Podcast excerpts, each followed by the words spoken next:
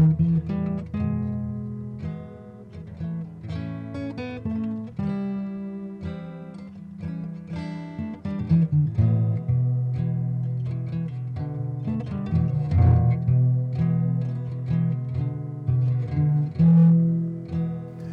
بكل مشاهدي ومتابعي القناة.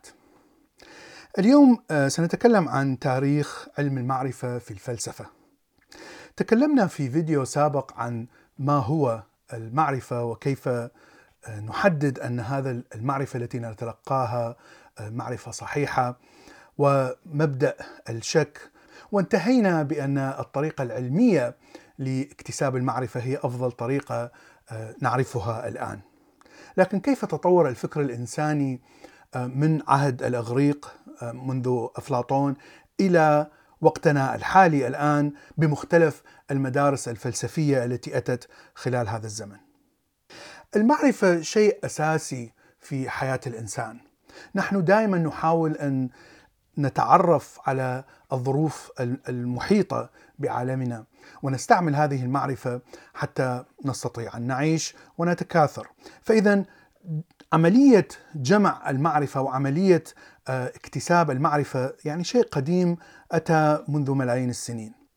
ومنذ القدم انقسمت الفلسفة إلى مدرستين. مدرسة تعتبر الحواس هي الأساس في اكتساب المعرفة ومدرسة أخرى اعتبرت المنطق والعقل هو الأساس في اكتساب المعرفة. وأفلاطون هو أول من الفلاسفة الإغريق الذين اعتبر أن العقل هو الطريقة الوحيدة للوصول إلى المعرفة الحقيقية وليست الحواس. وفكرة أفلاطون أن الواقع خارج الحواس هو عبارة عن عالم من الأشياء المطلقة، لكن من الصعب على حواسنا أن تفهم هذه الأشياء المطلقة أو تفهم آه، صفات هذه الأشياء المطلقة. وحواسنا تصنع نسخ غير مطلقة أو غير كاملة من هذه الأشياء المطلقة. طبعا الأشياء المطلقة عند أفلاطون هي كل الأفكار حتى لو كانت مجردة آه، هي تعتبر الأشياء الكاملة المطلقة. وقد تكون أشياء أخلاقية مثل العدالة، الأخلاق الحسنة آه، إلى آخره. واعتبر أن روح الإنسان طبعا في ذاك الوقت الروح هي كمفهوم مثل المفهوم الديني الموجود في الديانات الإبراهيمية على الأقل آه، أن روح الإنسان تعرف هذه الأشياء المنطقية بشكلها الصحيح الكامل. وأفلاطون أيضا يقول أنه آه، حتى لو توصلنا إلى جواب صحيح عن عن سؤال معين فإن هذا الجواب قد لا يكون هو المعرفة الصحيحة المطلقة وإنما قد يكون فقط إيمان بأن هذه المعرفة هي صحيحة. وأرسطو كان تلميذ أفلاطون وأخذ منه كثير من آه، هذه الأفكار أفكار كيفية نصل إلى المعرفة لكنه رفض فكرة أن هناك أشياء مطلقة وأن العالم هو شيء آه، مطلق وكامل آه، وأن كل الأفكار التي موجودة التي تأتينا من الحواس موجودة في داخل عقولنا هي فقط انطباع لهذه الأشياء المطلقة، تماما رفض هذه الفكرة واعتبر حتى أن الروح هي ليست آه، شيء آه، غامض موجود منذ القدم وإنما هي عضو من أعضاء الجسم حالها حال أي عضو آخر. لكنه طور فكرة أن المعرفة ولو قد تكون غير صحيحة تأتي من الحواس.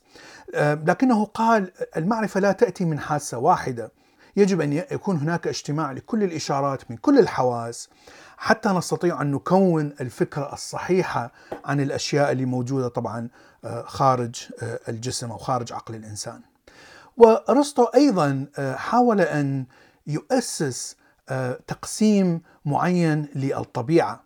فركز على تقسيم مثلا مملكة الحيوان مملكة النبات آه، وحاول أن يقسم العناصر الأولية آه، التقسيم المشهور الذي كان قبل أرسطو أيضا موجود، المادة تتكون من نار وتراب وماء وهواء، ويعني حاول ان أن يركز أن هذه العناصر هي الأساس ومن ثم كل مادة في الكون يجب أن تتكون من هذه العناصر أو خليط من هذه العناصر، وحاول أن يجزئ آه، كل آه، مواد مثلا في مجموعة آه، معينة حسب هذه المكونات وطبعا حسب الخصائص هذه المواد.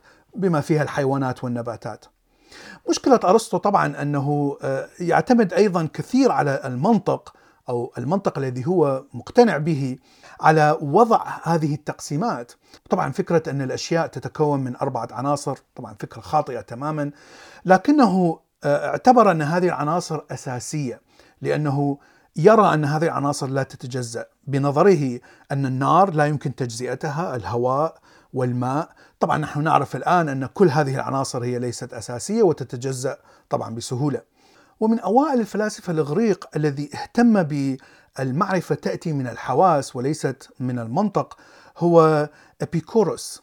وهو أيضا الفيلسوف الذي وضع فكرة أن كل شيء آه، يتكون من ذرات. فهو رفض فكرة آه، أرسطو أن آه، أربع أشياء هي تكون كل المواد وإنما قال أن كل المواد تتكون من نواة صغيرة جدا سماها بالذرة أو أتوم وأن هذه الذرات لا يمكن تجزئتها.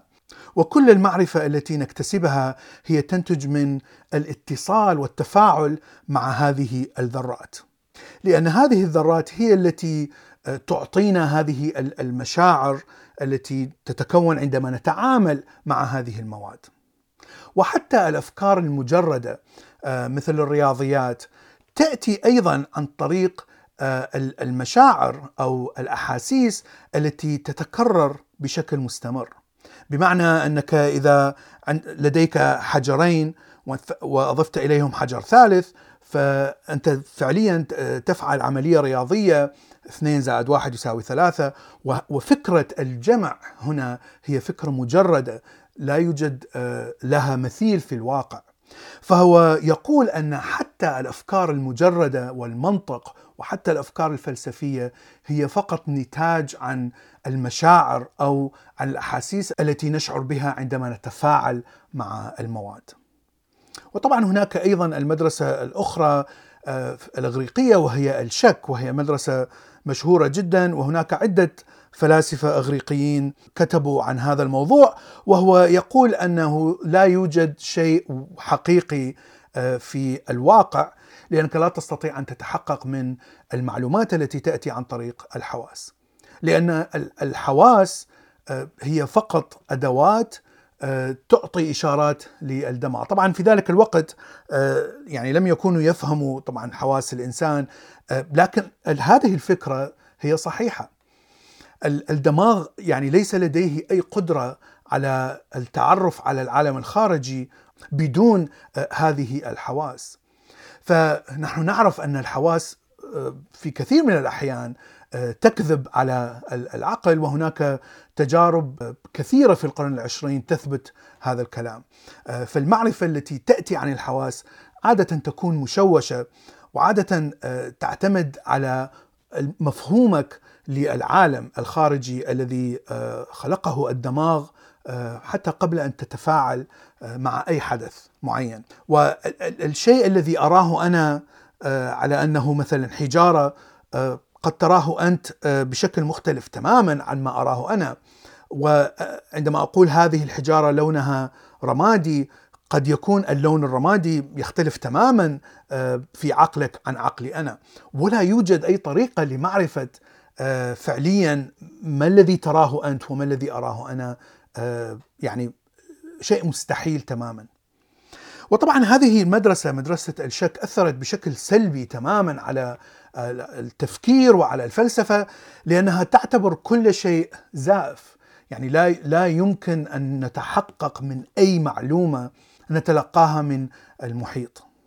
ونرى أن الفلاسفة من وقت أرسطو إلى بداية القرن العشرين دائما يحاولون أن يفندوا آه، فكرة الشك هذه.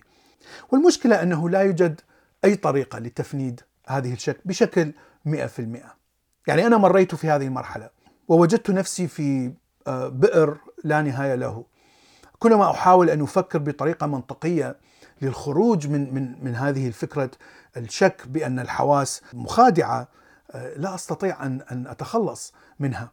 بعد الفلاسفة الإغريق سيطرت أفكار أرسطو تماما على الفكر الإنساني الفلسفي مرورا بالفلاسفة المسلمين والفلاسفة المسيحيين بحيث استمر علم المعرفة هو علم منطقي. فبالنسبة لهذه لهؤلاء الفلاسفة أن إذا استطعت أن تثبت وجود الإله مثلا بشكل منطقي فإنه موجود. ولا يوجد هناك احتياج لدليل مادي أو تجريبي على وجود الإله. وهذه الفكرة يعني طبعا نحن نعرف الآن أنها خاطئة كفكرة علمية لكن مهدت لوجود كثير من الأفكار الخاطئة أيضا في الفلسفة. وطبعا الديانات الإبراهيمية أثرت بشكل كبير على ارساخ هذه الأفكار.